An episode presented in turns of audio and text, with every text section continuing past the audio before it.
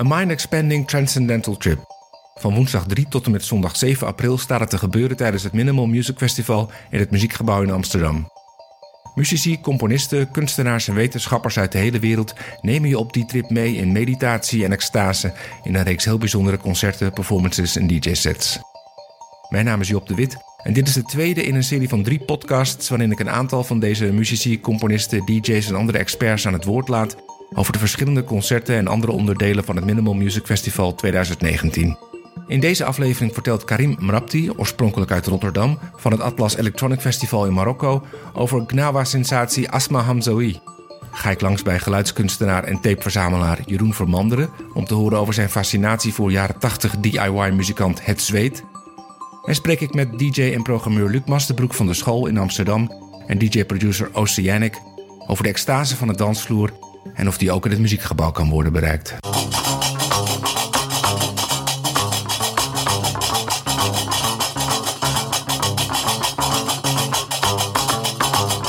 Karim Mrapti had vier jaar geleden het fantastische idee om een muziekfestival te beginnen in Marokko, het land waar zijn roots liggen.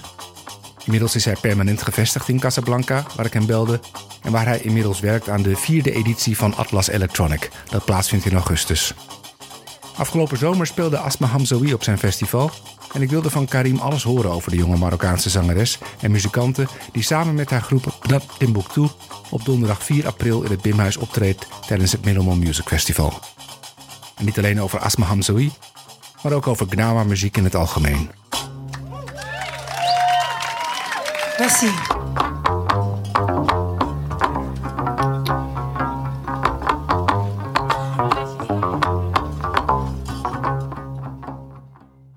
Hamzawi is de dochter van Rashid Hamzawi.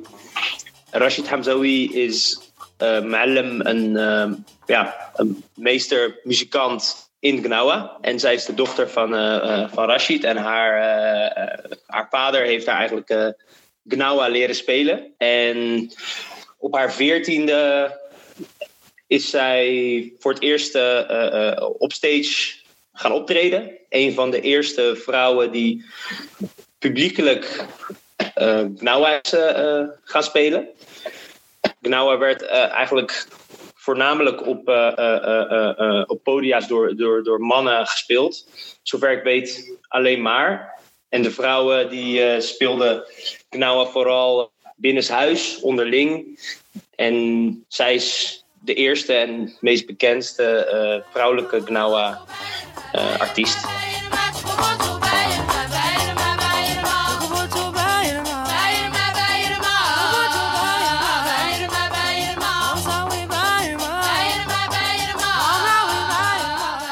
Zegt dat iets over de culturele ontwikkeling in het algemeen in Marokko? Dat het nu tijd is voor een uh, vrouwelijke Gnawa-artiest? Ja, ja, zeker. zeker. Uh, je ziet het eigenlijk in verschillende muziekstijlen en ook uh, verschillende vormen van, van traditionele muziek. Die eigenlijk binnenshuis gespeeld werd.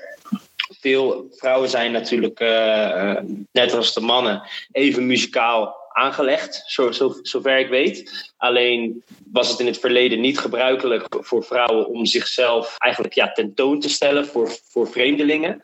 Uh, en uh, dat is dus, wordt dus nu steeds gebruikelijker. Uh, je ziet het eigenlijk in verschillende vormen van muziek en ook muziekstijlen die alleen door vrouwen uh, gespeeld, ge, gespeeld worden.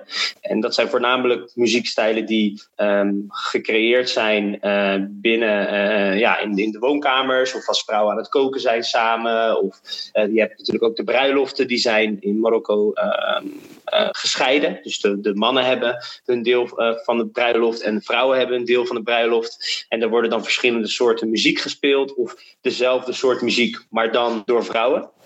En het wordt dus steeds uh, gebruikelijker dat de vrouwen dus ook zelf hun eigen band beginnen en um, op de grotere podia's gaan optreden, zoals bijvoorbeeld uh, ja, Esma Hamzaoui. Wat is Gnawa eigenlijk uh, precies voor iets en hoe past dat binnen de Marokkaanse muziekcultuur? Het komt vanuit, vanuit, vanuit de islam, vanuit de slaven in Afrika.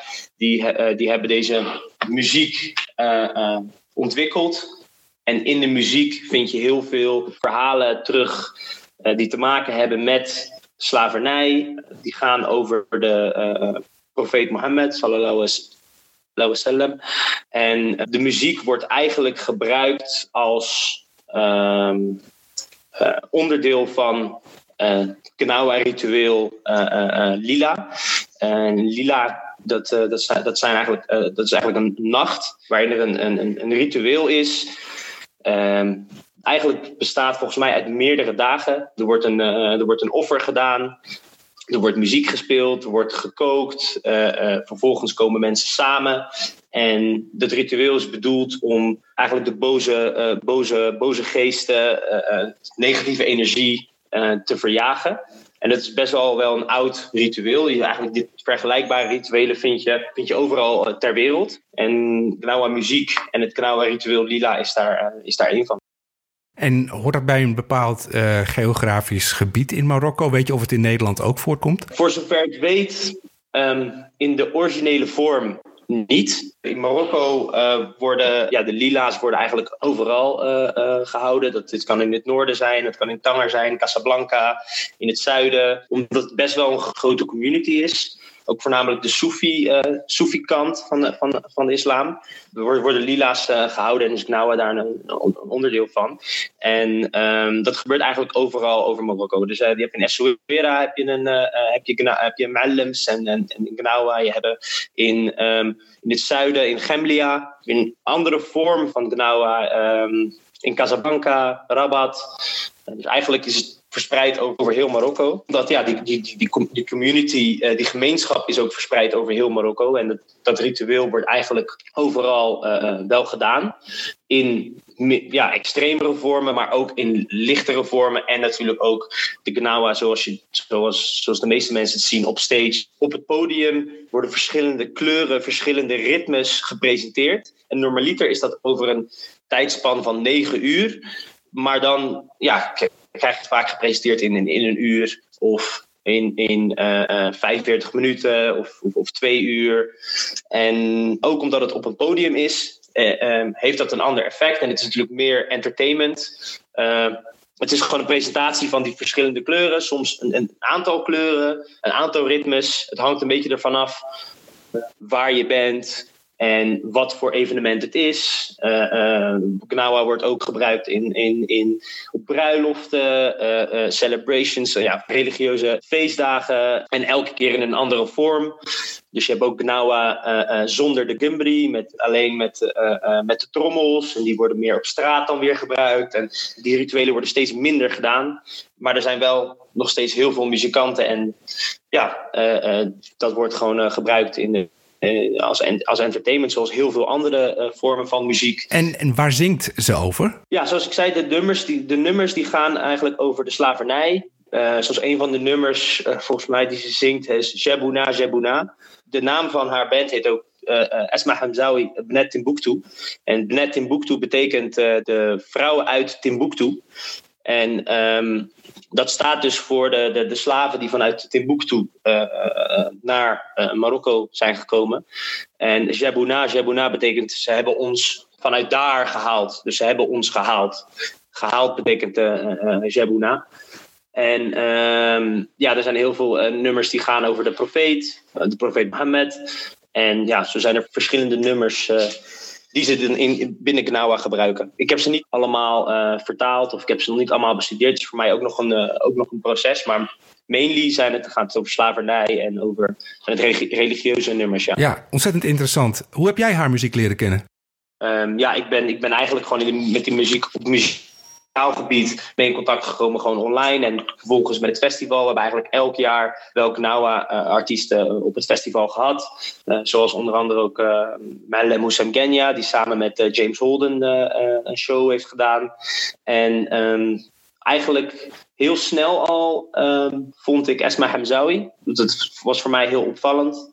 iets wat ik niet kende, een vrouwelijke Gnawa-artiest. en nog steeds uh, zijn er heel veel mensen die niet weten dat er ook vrouwelijke Gnawa-artiesten zijn. Dus dat was voor ons ook de reden om haar op het festival uh, te boeken. Om uh, toch ja, wel te laten zien dat, dat het ook bestaat. En dat uh, uh, ja, werd, heel positief, uh, werd heel positief ontvangen. Ze, ze wordt eigenlijk heel veel uitgenodigd in Marokko. Ook door het festival, het Gnawa Festival in Essaouira heeft ze gestaan. Ze, ze, komt geregeld op, op, op televisie. Ehm, dus ja, dat is echt een hele positieve, positieve ontwikkeling, vind ik.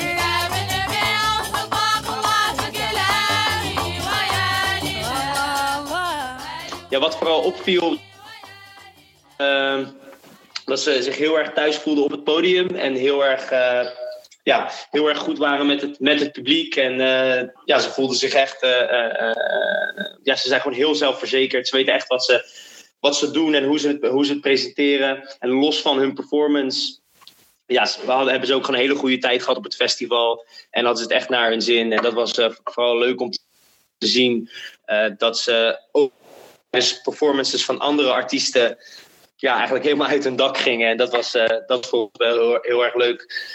Dat hun ook aan ons aangaven van, oh, dus dat ze het echt een geweldige ervaring vonden. En ook nieuwe muziek, zelf ook nieuwe muziek hebben ontdekt. Volgens mij hebben ze echt al een stuk of 20 of 25 performances gehad in het buitenland. Misschien is het iets minder, maar echt uiteen, uiteenlopend van Nederland, uh, Noorwegen, de US, Spanje, Italië.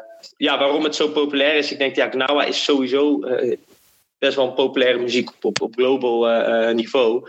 En um, ik denk dat hun gewoon iets, iets, iets, iets nieuws brengen en dat, ja, dat mensen dat vet vinden. Ja, en er zit toekomst in. Ja, zeker. Er zit zeker, uh, zit zeker toekomst in. Uh, als ik zie van hoe zij zich heeft ontwikkeld. Zoals ik zei, ze, ze, ze, ze had haar eerste optreden uh, toen ze 14 was. En haar vader heeft haar echt ja, goed, goed geleerd van hoe de muziek in elkaar zit. En zij, geeft, zij is heel zelfverzekerd. Dat is echt wel iets wat, wat, wat haar ook echt uniek maakt. Ze is heel zelfverzekerd. Ze voelt zich ook niet minder omdat ze een vrouw is. Ze, ze weet precies wat ze doet. En, en, en dat vind ik vooral mooi dat ze dat ze, dat, ze, dat ze het echt eigen heeft gemaakt en zich niet echt druk maakt om wat, wat, wat vinden andere mensen ervan. En um, um, ik denk dat ze het uh, nog best wel ver gaan schoppen, ja.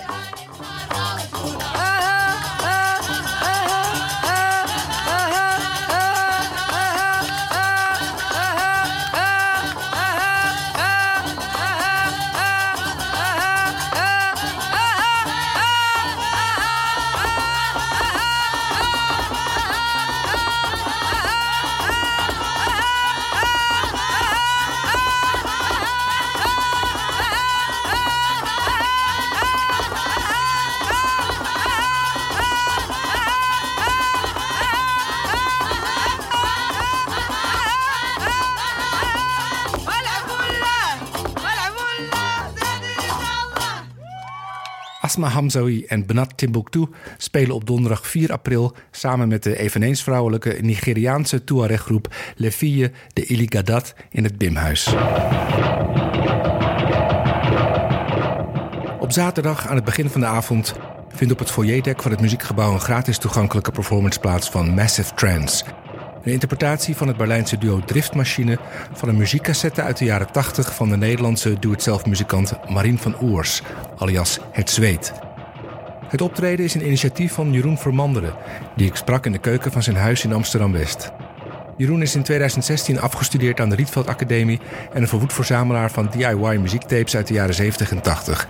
Een scene die in der tijd werd gestimuleerd door de radioshows van de legendarische Willem de Ridder.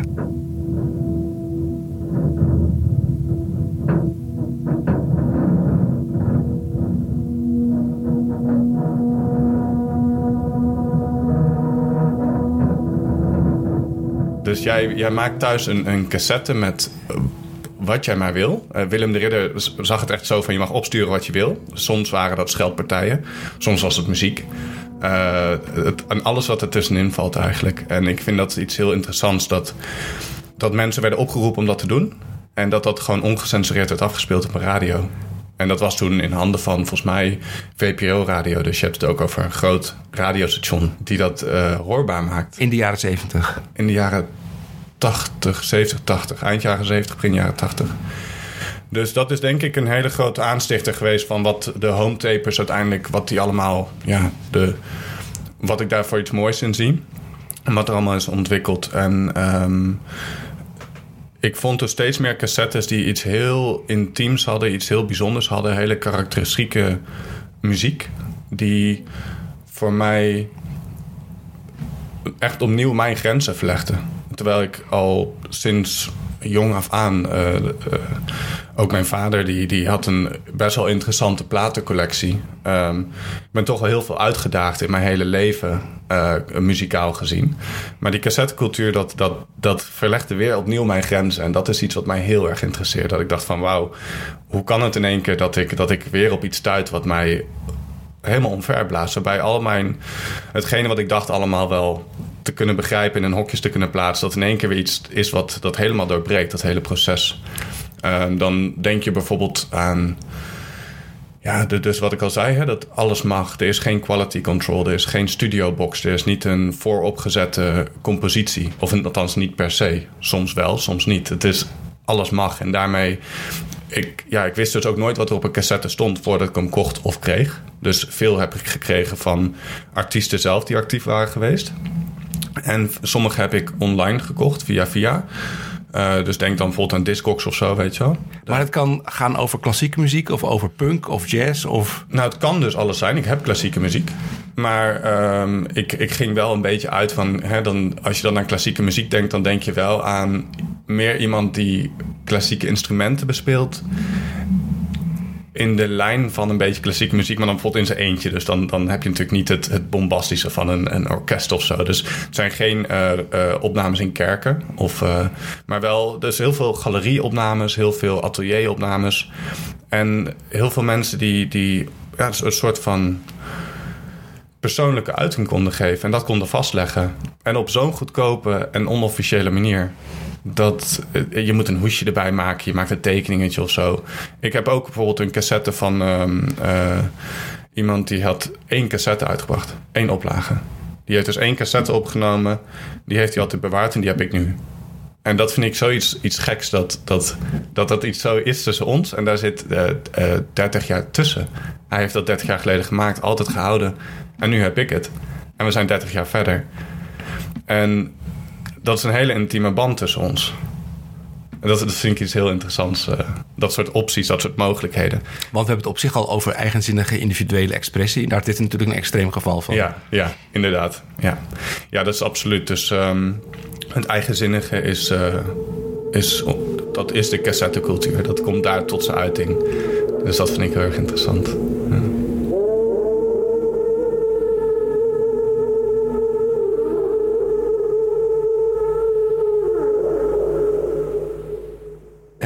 Eerste keer dat je hoorde over of de Massive Trance tape van het zweet tegenkwam?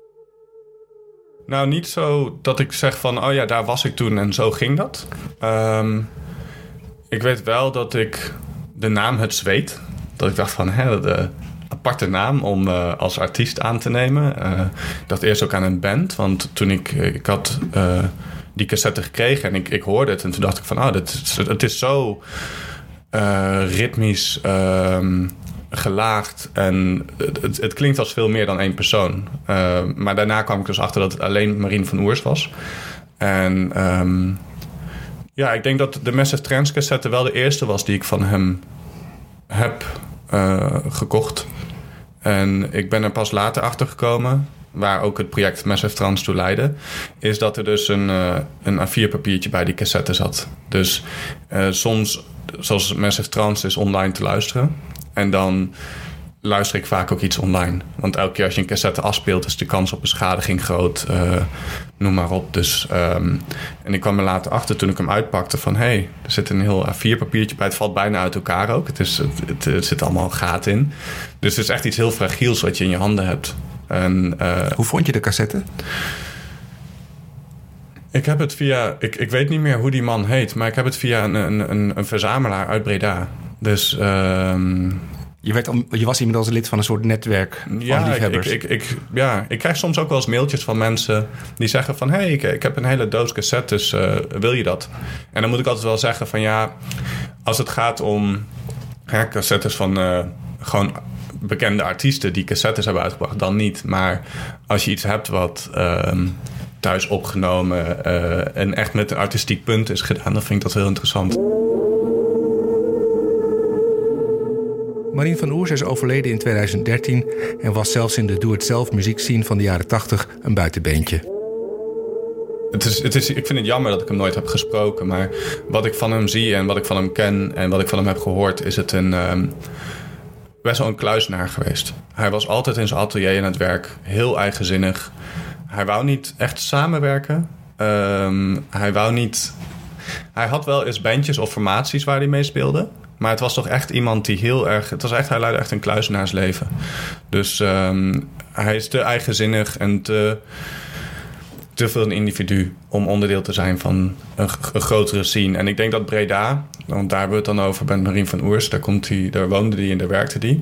Ehm, Breda had eh, zijn eigen scene weer, zijn eigen kroegjes, toch het, het, ja, Brabant. eh, het, was, het, het hoorde niet echt bij de scene van Amsterdam, Rotterdam, om het zo maar te noemen. Toen je voor het eerst naar de tape luisterde, wat, wat hoorde je? Wat sprak je erin aan?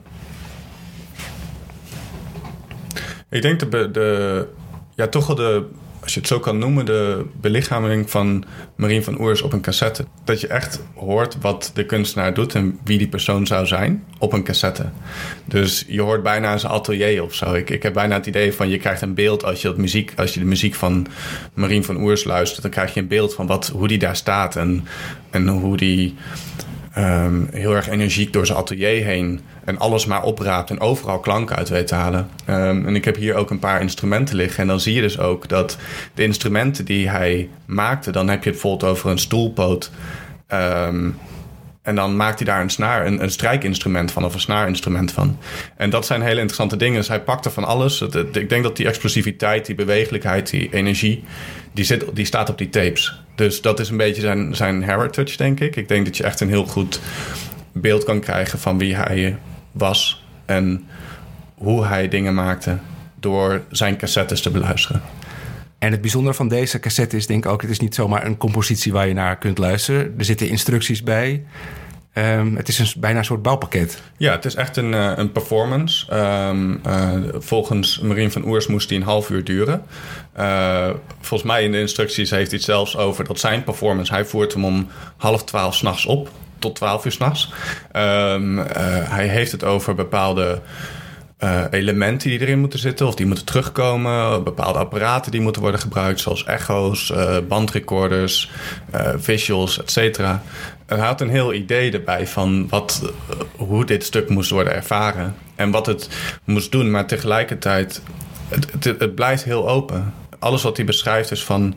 Hè, het, het stuk moet leiden tot vormen van trance ofwel bewegelijkheid, ofwel... Het, het, eh, hij liet het nog wel heel erg open. Dus hij gaf hele duidelijke instructies. Maar het was niet zo dat het daarmee...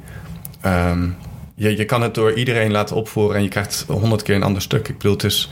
Je, je zal nooit iets hetzelfde krijgen... want het is te open voor interpretatie. En daar kwam ook een beetje dat idee vandaan. Ja. Het bestaat uit een hele lange eh, ritmetrack. Monotonische eh, beat. Ja. En dan zijn er nog twee ambient-achtige stukken. ja. Wat is precies de bedoeling? Van Marien van Oers daarmee. Dat...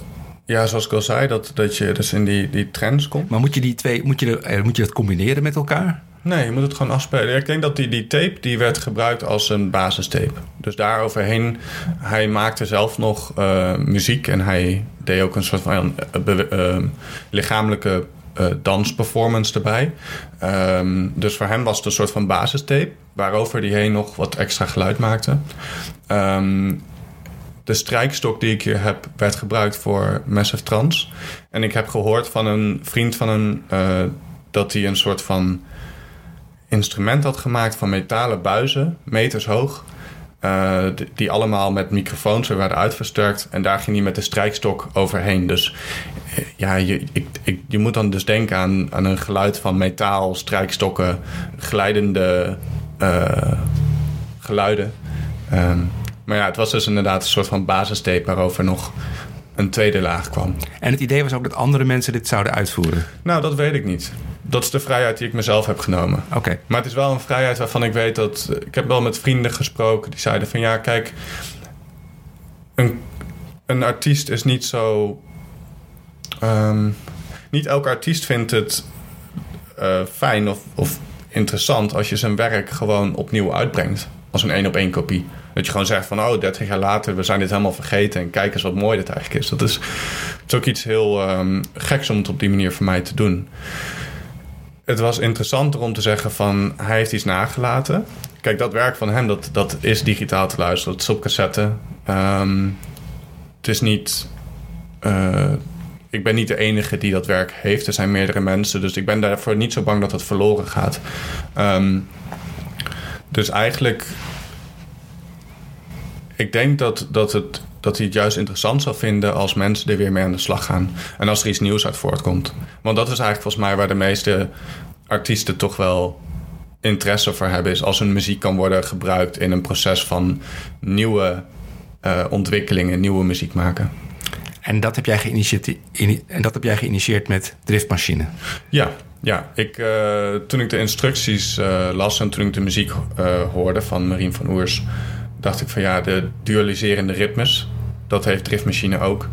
Um, uh, Driftmachine uh, speelt met modulaire synthesizers. Dus niet, het is niet geprogrammeerd van tevoren zozeer dat alles vaststaat. elke keer is het anders. Um, het is heel erg, heel erg veel improvisatie. Het is niet getimed, dus je kan niet... Dat zijn allemaal elementen die ik ook terughoor bij Marien van Oers. Um, en wat ik heel erg interessant vind aan driftmachine is dat zij de auto's die. die zij, zij doen heel vaak live sets waarin ze die soort van trends bereiken of zo. Van dat, je, dat je daar zo naar luistert. 40 minuten ongeveer zijn hun live sets. Als je kijkt naar Mutec uh, Mexico. Uh, super interessante live set. En dan word je helemaal meegenomen in 40 minuten lang uh, met modulaire synthesizers. Daar ben jij bij geweest? Ik ben er niet bij geweest. Ik heb het online geluisterd.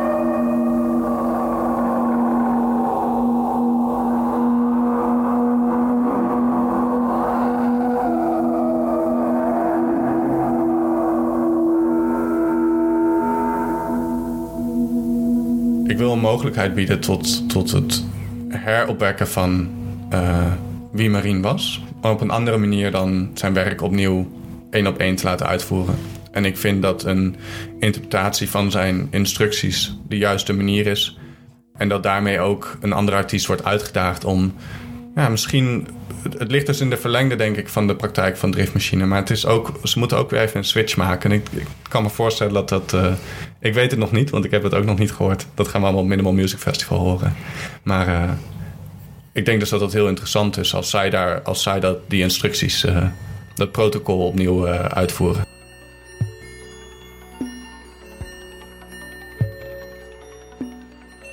Driftmachine speelt Massive Trance van Het Zweet op zaterdag 6 april om 6 uur s avonds op het foyerdek in het Muziekgebouw. Een van de gratis toegankelijke optredens tijdens het Minimal Music Festival. Op de vrijdag en zaterdag is er ook een nachtprogramma. Daarover sprak ik met Luc Masterbroek en nu eerst Job Oberman, alias DJ-producer Oceanic. Hij is betrokken bij So So, een 12 uur durende livestream in het Muziekgebouw van 3 uur op vrijdagmiddag tot 3 uur in de nacht. Ja, het bouwt uh, langzaam op van uh, heel rustig en heel minimaal. Van een stuk dat ik twee jaar geleden heb gemaakt in een uh, residentie in Italië, wat samen met Arif Kornwijts heb gemaakt, tot eigenlijk extase. Maar het bouwt ook weer af zodat het een rond geheel wordt in 12 uur. Is het idee, de bedoeling dat, we daar, dat, je, dat mensen er echt 12 uur in gaan doorbrengen? Uh, nee, dat is, dat is natuurlijk niks is de bedoeling. Uh, het is vooral de bedoeling uh, dat die 12 uur niet per se 12 uur lijken. Ik denk ook dat dat de kracht is van eigenlijk het grootste deel van wat op het Minimum Music Festival staat. Als je zulke stukken hoort of zulke muziek hoort, aan het einde weet je niet meer of het nou 12 uur was of 12 minuten was. Dat is eigenlijk ook denk ik de bedoeling, is dat die fysieke tijdservaring uh, langzaam verdwijnt. En dat je daardoor eigenlijk geen besef meer hebt of, of je nou heel de avond in één gebouw bent geweest of in je, soort van, in je hoofd en fantasie meerdere plekken hebt bezocht. Is dat een beetje vergelijkbaar met zo'n uh, ehm, 24 uur openstelling in een club dat je op een gegeven moment gewoon echt helemaal midden in de nacht helemaal kwijt bent met, nou, misschien nog niet waar je bent, maar hoe lang je er al bent. Het is eigenlijk wel een soort van het ideaalbeeld uh, in clubs en ook uh, ja, op deze avond ook. En het zal natuurlijk nu wel wat moeilijker zijn, omdat het niet. Dus het eigenlijk meer brengt en verdieping dan alleen muziek, hoop ik. Uh, en daardoor. Ja, en daardoor eigenlijk nog iets meer kan brengen dan uh, alleen een, een clubavond. Maar wel hetzelfde gevoel van tijd verliezen.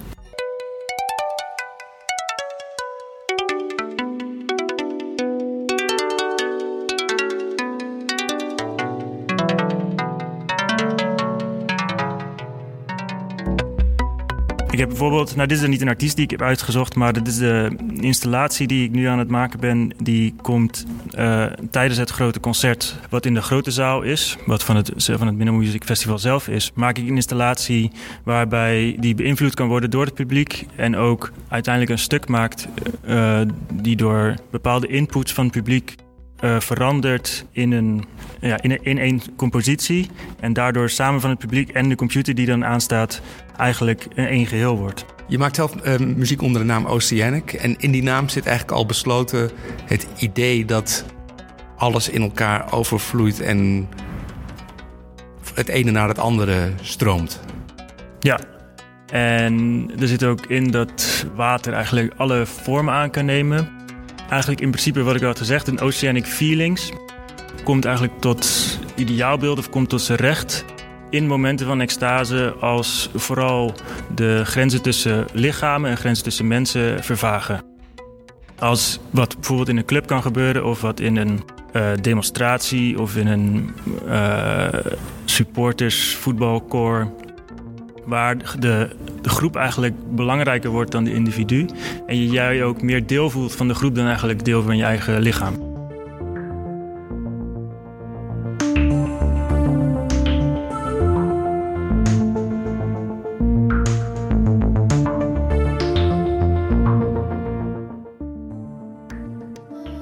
Ik sprak laatst een bevriende eh, DJ-producer. En ik vertelde over het Minimal Music Festival en dat ik met deze podcast bezig was. En ik dacht in eerste instantie dat ik het over minimal techno had. Ja, ja, ja. Dus ja, dat is ook een associatie die veel mensen met, met het woord minimal hebben. Is er wat jou betreft ergens een, een connectie met minimal music? Want Steve Reich en al die grootheden uit de jaren 70 en 80? Ik denk dat die er wel is. Ik moet zeggen, toen ik begon te luisteren naar minimal music... toen ken ik al wel minimal techno. Dus toen dacht ik ook, oh ja, dit, dit, dit is interessant en dit gaat goed samen. En toen wel vaker nagedacht over, over die vergelijking ermee. En ik denk dat er wel raakvlakken zijn, omdat Steve Reich heeft ook een paar percussieve werken gemaakt. En dat die zou je een connectie kunnen leggen met minimal techno door Ricardo Villalobos bijvoorbeeld of iemand uit die hoek. Maar ik denk dat een groot deel van minimal tech of van minimal music toch meer draait om de trance van melodieën, piano-melodieën, orgelmelodieën. Terwijl minimal techno was juist zo radicaal omdat het uh, ja, half jaren 2000 uh, eh, alle melodieën uit de muziek schopte. Dus eigenlijk zouden er misschien nog wel meer raakvlakken zijn met muziek. Dat, dat denk ik, dat denk ik, ja. In ieder geval, als je zegt Terry Riley of um, Steve Reich... dan zou je denk ik ook kunnen beargumenteren dat dat transmuziek was. Dus niet eens zozeer raakvlakken meer heeft, maar dat is, ja, dat dat gewoon is. Oké, maar goed, we, we, horen geen uh, Armin van Buren op het Minimal Music Festival. Nee, Nee, het is, het is natuurlijk wel een leuke vraag of Armin van Buren precies de muziek had gemaakt die hij maakte als Philip Glass nooit had bestaan. Maar ik denk dat dat, dat een heel moeilijke discussie wordt. Maar ergens, ik denk de manier waarop akkoord, progressies worden gebruikt, ook bij stadiontrends. Zeker toen in de tijd dat Armin van Buren doorbrak, dat het best nog wel uh, overeenkomsten zitten met, uh, met bijvoorbeeld Philip Glass. Hoe zie jij de samenwerking uh, met de school en het Minimal Music Festival en clubmuziek in het algemeen op een festival als dit in het muziekgebouw? Ja, voor mij, ik, ik heb een leuke persoonlijke connectie mee, omdat ik vijf jaar in het muziekgebouw heb gewerkt, in de garderobe. Dus jassen ophangen en, en kaartjes scheuren. Ik ging daar werken doordat ik naar het Minimal Music Festival was gegaan. Net van Steve Reich had gehoord. Daarvoor kaartjes had gekocht. En toen in dat gebouw terecht kwam. En toen liep dat al wel een beetje door in de nacht. Nog niet met zo'n groot nachtprogramma als nu. Maar het was er zeker wel. Dus voor mij de allereerste aanraking met het muziekgebouw in het algemeen. Uh, daar zat dat nachtelement ga ik al een beetje in. Dus voor mij was het heel vanzelfsprekend. En toen ik er ging werken, merkte ik al van... oh ja, er wordt, gebeuren hier veel meer uh, traditionele dingen.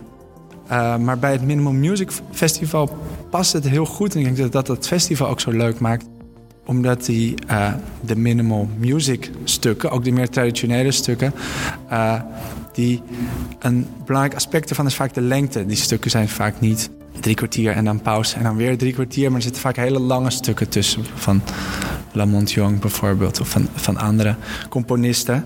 En dat maakt het heel aantrekkelijk om buiten dat format van een, een, een concert te treden. Dus normaal ga je naar het muziekgebouw begint om, uh, om half negen. En dan weet je dat je om elf uur wel weer in bed kan liggen. Maar Minimal Music spot daar vanuit zichzelf al wel een beetje mee. Dus het is heel geschikt voor een hele lange zondagochtend of zondagmiddag. Maar ook de zaterdagnacht bijvoorbeeld. Dus vanuit de Minimal Music zou je die nachten op kunnen zoeken. Vanuit het doorbreken van, uh, van het concertformat. En als je dan de connectie gaat zoeken met minimal techno of trends. Uh, en dan de, de, meer experimentele elektronische muziek die in de trendshoek zit. Dan is er nog een argument, omdat die muziek functioneert vooral in de nacht, om uh, die minimal music nacht in te brengen en zo die dingen in elkaar laten overlopen.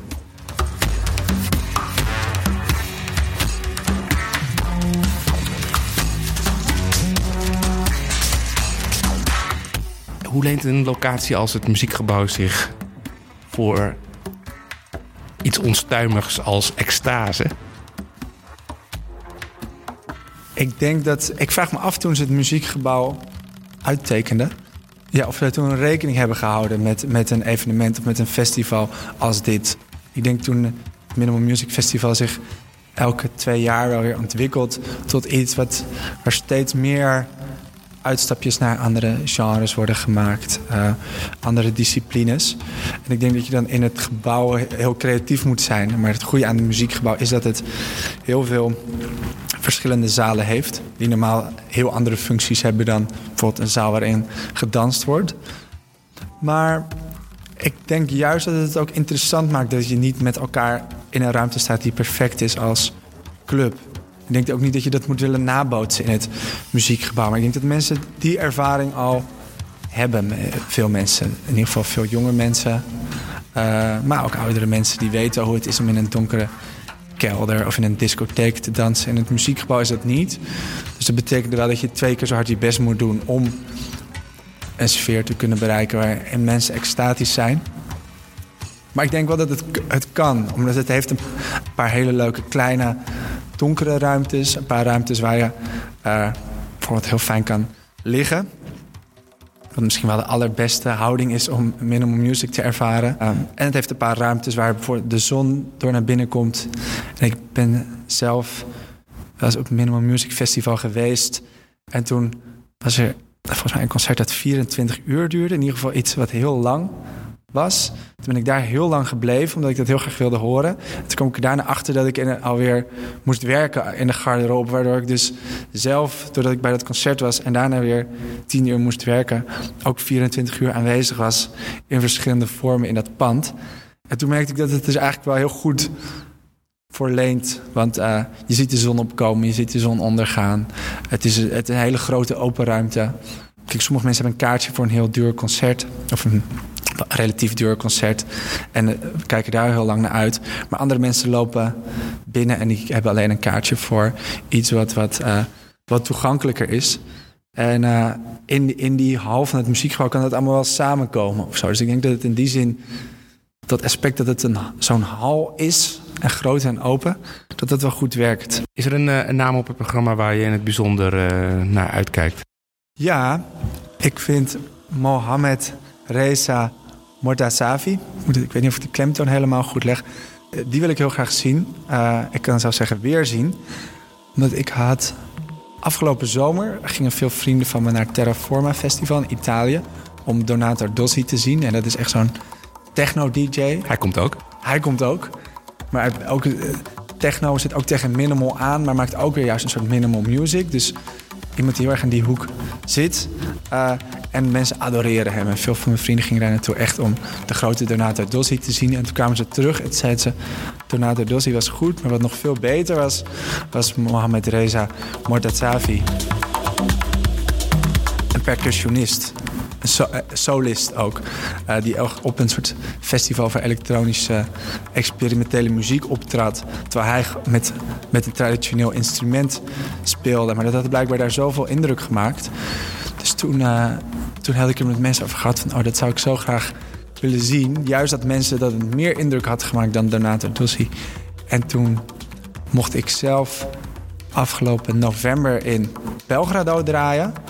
En toen uh, zouden op een zaterdagavond draaien. En toen ging ik op een vrijdagavond alvast in die club kijken. En was een gigantische club in een oud slachthuis. Volgens mij was het een van de grootste slachthuizen van Oost-Europa. En toen onverwacht, of tenminste voor mij onverwacht, ik wist het niet... speelde Mohamed Reza Mortazavi midden in die zaal tijdens een clubnacht. En toen merkte ik van hoe vet effect het had om hem midden in de nacht te zien. Dus het feit dat hij er nu staat en Donato Dozzi, die dan waarin Mohammed Teresa Mortazavi juist in de nacht staat, terwijl hij niet uit die context komt. Donato Dossi komt uit de nachtcontext, maar die geeft meer een traditioneel avondconcert. Dat vind ik ook leuk, dat die posities omgedraaid zijn. Het gaat door tot uh, vijf uur s ochtends. Ja. Om elf uur staat er al van Ratel weer, zit hij achter zijn piano. Ja zie het zitten om gewoon even heel snel een hazenslaapje te doen... en dan gewoon om 11 uur gewoon weer in zo'n zaal te gaan zitten? Ja, dat, dat deed ik altijd wel. Ik moet wel zeggen, nu ik ook bij de school werk... ben ik al zelf van nachten vaak uh, wakker... dat het soms iets meer moeite kost om nog dat soort moeilijke tijdschema's aan te houden. Maar ik denk wel dat dat het Minimum Music Festival op die manier het leukst wordt. En ik was gewend altijd alle avonden te gaan. En uh, achteraf waren altijd de leukste dingen, degene, de dingen die ik niet gepland had. En ik denk dat goede festivals daar sowieso in, in uitblinken. Maar ik denk ook de mensen die Donato Dozzi of een Philip Jondo heel vet vinden op een zaterdagavond, dan ga je uh, het concert dat op zondagochtend geprogrammeerd staat waarschijnlijk ook wel vet vinden. En misschien wel met enig slaapgebrek, dat je dan juist wel weer in een ander soort staat terechtkomt, waardoor je weer open staat voor een nieuwe ervaring. Ja, ja ik, geloof, ik geloof er heel erg in. Ik denk sowieso dat dat, waarom vinden mensen de zondagavond Lowlands X-Ray zo vet? Ik denk echt precies om de reden die jij, jij omschrijft. En dat, daardoor kan zo'n festival uitstijgen boven het idee van, uh, ja, met de tram naar een concert en uh, twee uur later weer thuis zijn. En dat was het.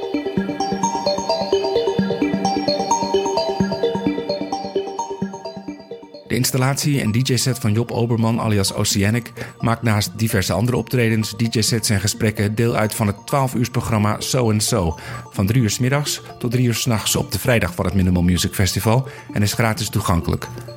Om half één s'nachts begint er die avond trouwens ook een concert in het Bimhuis van de experimental avant psych minimal band Schneller Tollermeier uit Zwitserland. Ook een goede tip. Luc Masterbroek van de school vertelde over de zaterdagavond en nacht in het muziekgebouw. Met onder andere Donato Dozzi in de grote zaal. En later Mohamed Reza Mortazavi, Sapphire Sloos en Philip John Doe tot het ochtendgloor op het foyerdek. Tot zover deze tweede van drie podcastafleveringen van het Minimal Music Festival. Dat van woensdag 3 tot en met zondag 7 april plaatsvindt in het Muziekgebouw te Amsterdam. Alle informatie over alle optredens en evenementen vind je op minimalmusicfestival.nl. Abonneer je op deze podcast om de volgende aflevering automatisch binnen te krijgen zodra die online staat. Tot dan of tot ziens in het muziekgebouw. Mijn naam is Job de Wit en ik maakte deze podcast samen met technische assistentie van Lieke Malkorps.